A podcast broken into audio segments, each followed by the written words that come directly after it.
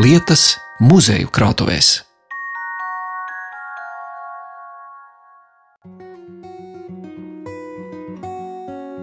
Rīgas skolu vēsture ir sakopota Rīgas skolēnu pils telpās Krišāņa Barona ielā 99. Te rodama informācija par izglītību Rīgā sākot no viduslaikiem līdz šodienai. Bet atzīmējot jaunā mācību gada sākumu, mēs šajā muzejā uzzināsim, kad skolēnu formas, cepures un greznas mācību grāmatas bija statusa rādītājs un ieskatīsimies dažu izcilu pedagoģu dzīvēm. Skolotājs ir eh, lielā mērā tas cilvēks, tas zināšanu devējs. Viņš ir tas, kas ar savām zināšanām pārliecina tos jauniešus, ka viņiem arī ir jābūt mazliet gudrākiem un eh, ar zināšanām jāpaiet garām skolotājiem. Jo tā ir tā faktiski tā skolotāja misija - nodot zināšanas, un lai viņi skolēni aiziet garām un sasniedz daudz augstākus kalnus. Tā teica Rīgas skolu muzeja pedagoģe Ilze Jākopsone, norādot uz vairākiem skolotāju portretiem muzeja ekspozīciju zālē. Bet viņa no krājuma materiāliem ir atnesusi plānu brošētu grāmatu, uz kuras rakstīts daļrakstība, sistemātisks pamatrakstu kurss ar paskaidrojumiem skolām un pašmācībai un atklātnīšu izmēra fotografijas, kurās 20. gadsimta 20. gados ir fiksēti skolēni un skolotāji no Rīgas pilsētas 14. pamatskolas Slokas ielā Dzirciema apkaimē. Mēs zinām, ka tas skolotājs ir bijis konkrētā skolā skolotājs. Un mēs tā dažkārt pat paviršam, ah, nu, skolotājs, jā, nu, viņš ir tur vienā skolā, otrā. Bet kādu vēl viņš pienesumu ir devis sabiedrībai. Un tas faktiski arī pārsteidz, atgriežoties pie Rīgas 14. pamatskolas, kas bija pilnīgākā pārdaugavas nomala. Sloks iela 65, Nordeķa kāpas, pulku iela ar kazarmām un vispārēj, ka tur izcilas personības bija. Starp šiem daudziem skolotājiem ir Kālis Kristbergs. Un Kālis Kristbergs ir ne tikai skolotājs šajā 14. pamatskolā. Bet kā mēs sākam to kamolīti tīt, un izrādās, ka mūsu bibliotekā atrodas viņa sastādītās metodiskās norādes daļrakstībā. Glītrakstīšanā sistemātisks pamatraksta kurs ar paskaidrojumiem skolām un pašmācībai. Un tas nav tikai viens izdevums, bet mums te ir arī otrs jau papildināts 36. gada izdevums. Un tātad Kārlis Krisbergs ir viens no izcilākajiem, ja ne pats labākais kaligrāfijas meistars tajā brīdī Latvijā, cienīts un mīlēts skolotājs. Un viņa pienesums ir daudzkārt atzīts. Mēs te redzam, kā ir labāk rakstīt, kā ir pareizi rakstīt, lai izveidotos rokraksts. Un... Man ļoti patīk, ka bija vienā lapā atpakaļ, ka arī tās viņa atziņas, ka ir uzrakstīts iesākt viegli, izturēt māksla. Un te ir paraugi. Transparents numur Jā. divi, numur trīs, kur novilktas līnijas, gan taisnas, Jā. gan diagonālas. Šāda, lai varētu pareizā slīpumā Jā. uzrakstīt burtus. Darbi jāsakārto šādā kārtībā uz transparenta numuru divi. Burti jāraksta pie katras šķērslīnijas kārtīgi, rūpīgi un daļi, vienādā lielumā un kaligrāfiski pareizi. Paraugs vitrīnā ir iekšā. To otrās bērns ir rakstījis. 1941. gads Gulbis Dzintra, otrā B klase. Bērnam ir kādi 7, 8, 8 gadi. Jā tautas dziesmu uzrakstījis. Jā. Kalnā zied ābelīte ar sudraba ziediņiem, sudrabiņa ziedi zieda būs sarkani āboltiņi. Nu, un tas rokraksts ir pēc Jā. Kristberga daļrakstības grāmatas astoņgadīgā dzindra ir iemācījusies, un tas ir paraugs, jā, cik skaists jā. rokraksts ir. Parasti šeit nostājās skolotāji, un tad pievelk pāris tādus jauniešus, kā skaties, kā jāraksta. Un tad viņi tāda sākumā tā, nu, ko tad tas skolotāji parāda, un ka viņi ierauga otrā klase. Tad viņi paliek tā mazliet tā kā salstabi. Un tā, nu, nu, nu, jā, nu, tur apmēram citi laika, citas vajadzības, kaut kā mēģina izlocīties. Bet jā, šis rokraksts liek padomāt. Padomāt par to, kā rokraksts arī raksturo mūsu katru. Un eh, kas mums atkal, eh, mēs šķitam, bet ir tā, tomēr gribās tā paskatīties to privāto dzīvi skolotāju. Un mēs atradām, ka mūsu krājumā ir arī Kāļa Kristberga kāzu fotografija, kas ir milzīgs retums. Kāzu fotografijas jau ir daudz, bet skolotā, ko 20. un 30. un te mēs arī redzam viņa kundzi topošo, un šī ēkā, kas atrodas Brīvības ielā 114 pretī jaunai ģertrūdas baznīcai, viņam bez tā skolas darba, bija telpas, kurās viņš noturēja kursus kaligrāfijā, un viņa kundzei bija arī bērndārs. Bez Kārļa Kristberga šajā Rīgas 14. pamatskolā par skolotāju strādāja dzinieks un tulkotājs Jēkabs Jansons Saiva. Ilze Jakobsone rāda melnbaltu fotografiju, grupas portrets, kur redzami vairāki skolas zēni, un līdzās viņiem gaišā cepure ar nagu, gaišā mētelī, portfeli padusē iespiedis, stāv jauns vīrietis un veras uz mums ar nedaudz šķelmīgu smaidu. 2004. gadā viņa dēls Aivars Saiva, žurnālists, nodeva mums šīs fotogrāfijas. Un te mēs redzam Rīgas 14. pamatskolas skolēnus, Krišānu Madarnieku, ticības mācības skolotāju, Jākabu Jansonu, kas eh, mācījis ļoti daudz priekšmetus, geogrāfiju, dabas mācību, valodas.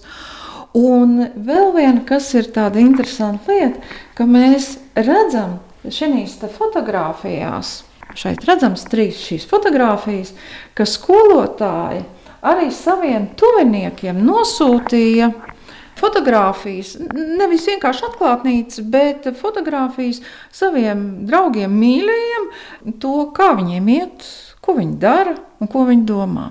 Un tas mums ir pilnīgi nezināma lieta. Ja? Tas ir, man liekas, nav pētīts, ko skolotājs vispār patiesi domā un ko viņš raksta, raugoties no 20. un 30. gadiem. Te ir divas fotogrāfijas, un abas viņas ir vēstules, bet tas varētu būt 1924. gads, kur uh, Jēkabs Jansons raksta savai sievai. Sveika, vecenīt! Tavu vēstuli līdz ar Marku saņēmu. Paldies Dievam, tā garā ziema reiz ir pagalam. Man vēl šis mēnesis atlicis cietā darbā, un tad varēs atkal kādu laiku pavaļoties. Nudien, ja jūs man nebūtu sadavuši to spēka barību līdzi, tad diez kā tagad klātos. Bet tagad ir kur atkosties. Ar to sviestu es domāju, ka tā ir prātīgi darīts.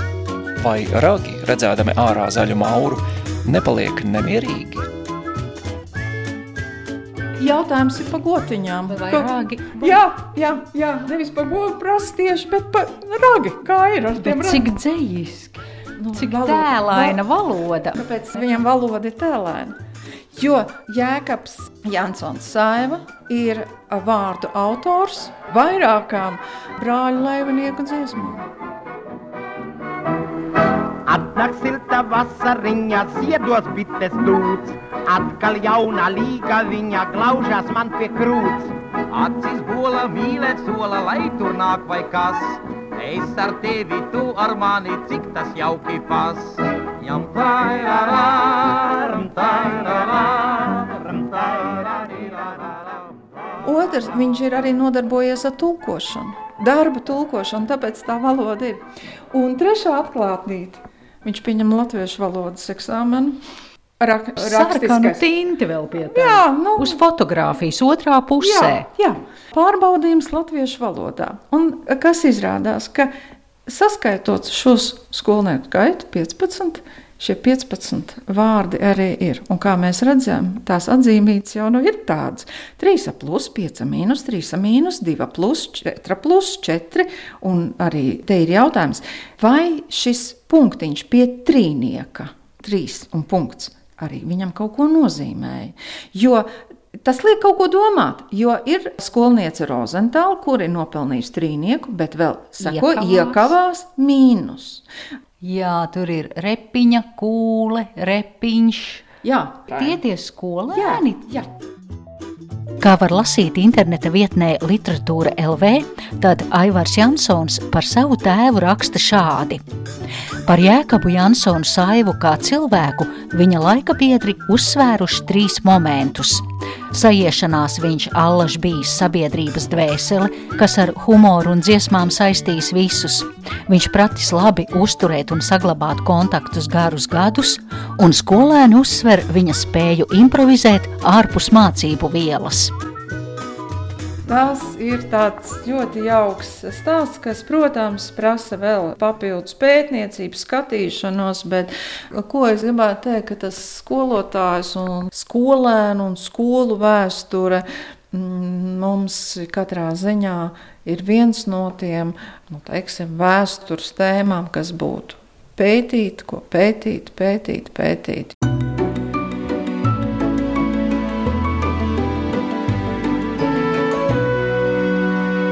Vietu lietas. Tik tālu ieskats dažos mirkļos no skolotāja dzīves Latvijas pirmās brīvvalsts laikā, bet turpinājumā muzeja pedagoģe Ilze Jākopsone stāstīs par krietni senākām mācību grāmatām un skolēnu formas cepurēm. Skolotāji un skolēni toreiz valkāja uniformas. Skolotājiem uniforma, kas viņiem bija obligāti jānēsā, taču tikai gimnāzijas telpās bija zaļi gan melni svārki vai fraka ar zilām pogām un vienkāršu zila samta apakli, kā arī melnas bikses un cepure ar krievu kokardi. Svētku uniformai bija stāva un ar zeltu izšūta apakle, tāpat arī atloki. Zobens un trīsstūrene ar zelta uzšuvi bija pārējās būtiskās uniformas sastāvdaļas. Skolēniem bija tikai viena kārta, taču agrāk bijušas arī svētku uniformas. Tā 19. gadsimta otrajā pusē par skolas formām toreizējā Jēlgavas vīriešu ģimnāzijā rakstīja vācu gleznotājs un mākslas vēsturnieks Jūlijus Dērings, kurš tolaik šajā ģimnāzijā strādāja par zīmēšanas un kaligrāfijas skolotāju.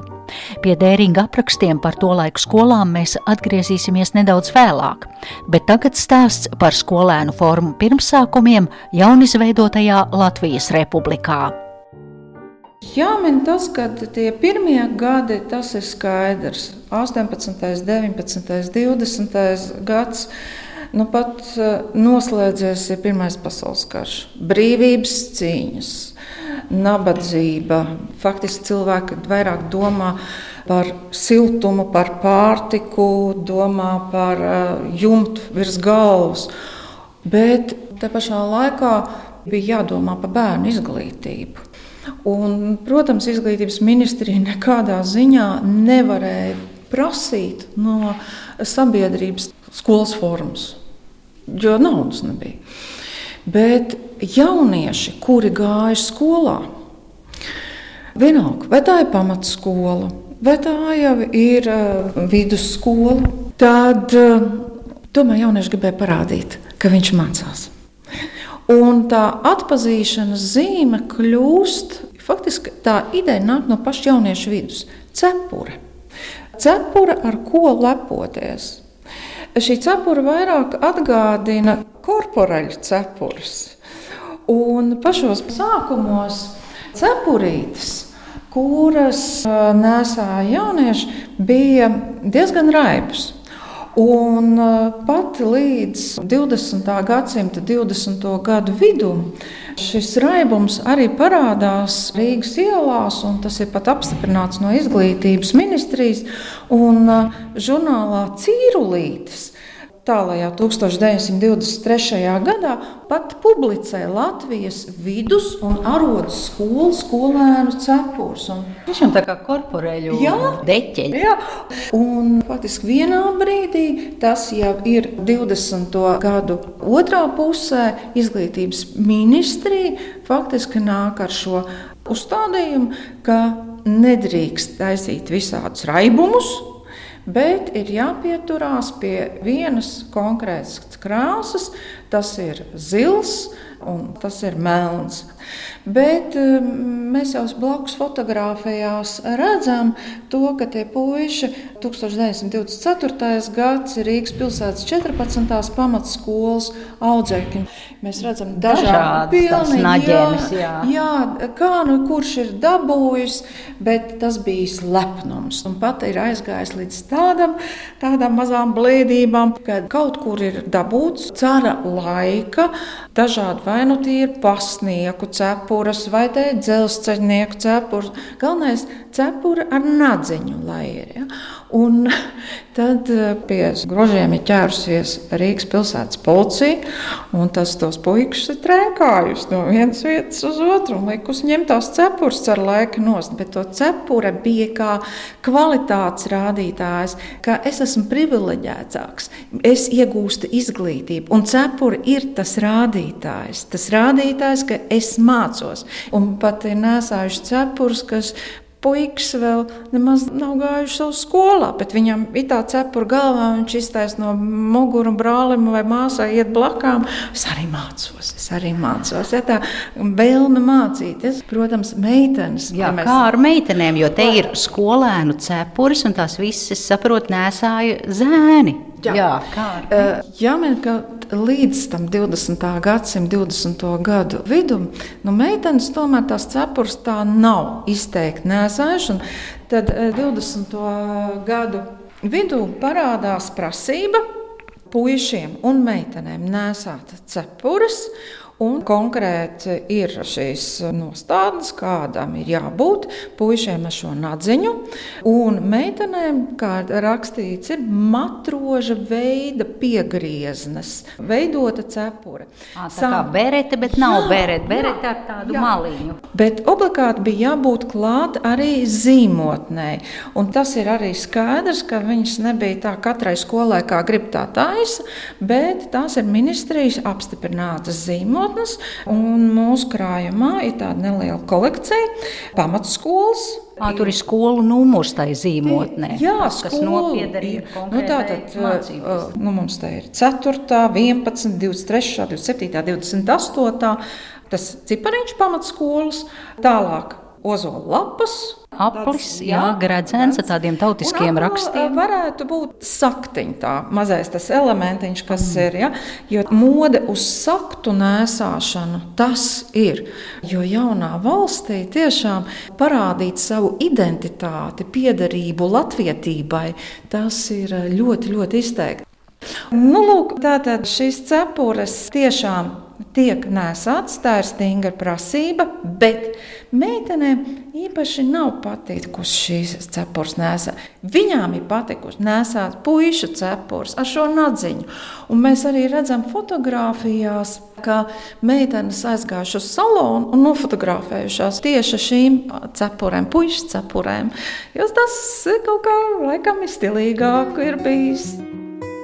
Ekspozīcijā līdzās skolēnu cepurēm ir novietotas mācību grāmatas, pēc maniem ieskatiem ļoti greznas, marmorētas virsmas vākiem un iespiestiem zeltītiem rotājumiem. Un pirmajā lapā uzraksts vācu valodā vēstī, ka viena grāmata ir dabas zinības un otra pasaules vēsture, domātas skolām un pašmācībai izdotas 1844. gadā Bavārijas pilsētā Erlangenē. Kā teica Ilze Jākapsone, tad ierosmi izcelt dienas gaismā no muzeja bibliotēkas šādus mācību līdzekļus ir devis jau pieminētais Jūlijus Zdērings, kurš rakstos par saviem novērojumiem Jēlgavas ģimnāzijā, piemin grāmatas, no kurām tolaik mācījās liela daļa Rietumē Eiropas ģimnāziju skolēni.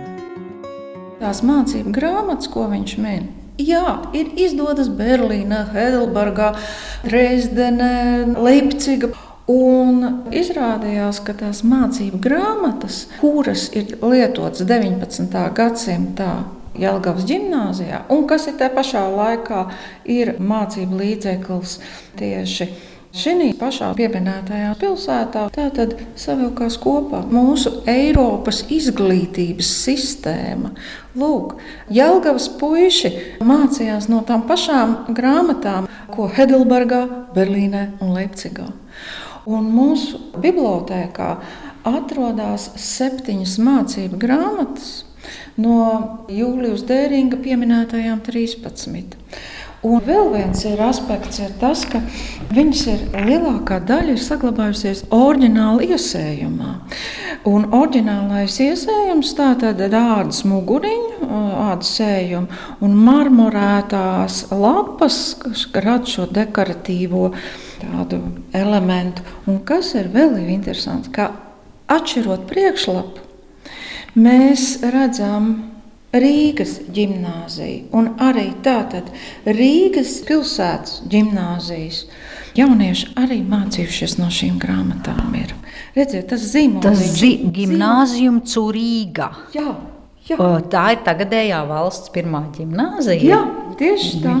Varam redzēt, kā šī grāmata ir ceļojusi. Tātad mēs varam skatīties izdošanas pilsētu, kur viņi nākuši ir.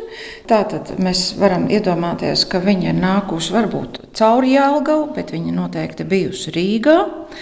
Tad Latvijas Republikas periodā tie bijuši iespējams 30. gadi, 20. gadsimta. Viņa nonākusi ir izglītības ministrijas, skolu muzeja krājumā. Un mēs redzam, ka viens ekslibrs blakus grāmatiņā liecina, ka par to, ka tā ir bijusi arī tur. Ja? Skolu muzejs. Mēs runājam par pagājušā gadsimta 20. un 30. Jā, gadiem. Jā, jā. jā, bet viena nelaime ir ar to izglītības ministriju. Un tā nelaime ir tā, ka viņi plēsa vecos vākus nost un apgrieza visas maliņas, ko varēja apgriezt grāmatai, un ielika nu, tādos vienkāršos auduma papīra vākos standarts. Nu, tādā veidā mēs varam skatīties šo skolu vēsturi caur mācību grāmatām. Nu, manī ierunājas tas praktiskais latviešu mācību literatūra, domāta jauniešiem, kāpēc toreiz nu, tik lielas pūles pielika un tik tādos greznos, ja ir tās ādas muguriņas un vēl ar to zeltīto rakstu un marmorēto virsmu. Kāpēc toreiz izdeva tik? Attieksme pret grāmatu jau bija savādāka attieksme pret grāmatu, kā vērtību, kā zināšanu bāzi. Grāmata, kas arī paliek un tiek nodota paudžu paudzēm. Un arī tas ir pilnīgi skaidrs, ka ne jau viens skolēns mācījās no konkrētās grāmatas un met ārā. Tika nodotas draugiem, paziņām, pārpirktas grāmatas. Noteikti tās vāks arī liecināja pārējiem klases biedriem, cik eh, var atļauties pa grāmatu konkrētais klases biedrs izdot to naudu. Un eh, šī gadījumā jā, tas ir arī prestiža lieta, grāmatas iesējums. Tie bija stāsti par Rīgas skolu muzeja krājuma priekšmetiem, un par šiem stāstiem es paldies saku Rīgas skolu muzeja pedagoģei Ilzei Jākopsonei. Raidījumu veidoja Zane Lāce Baltalksne. Vietu lietas.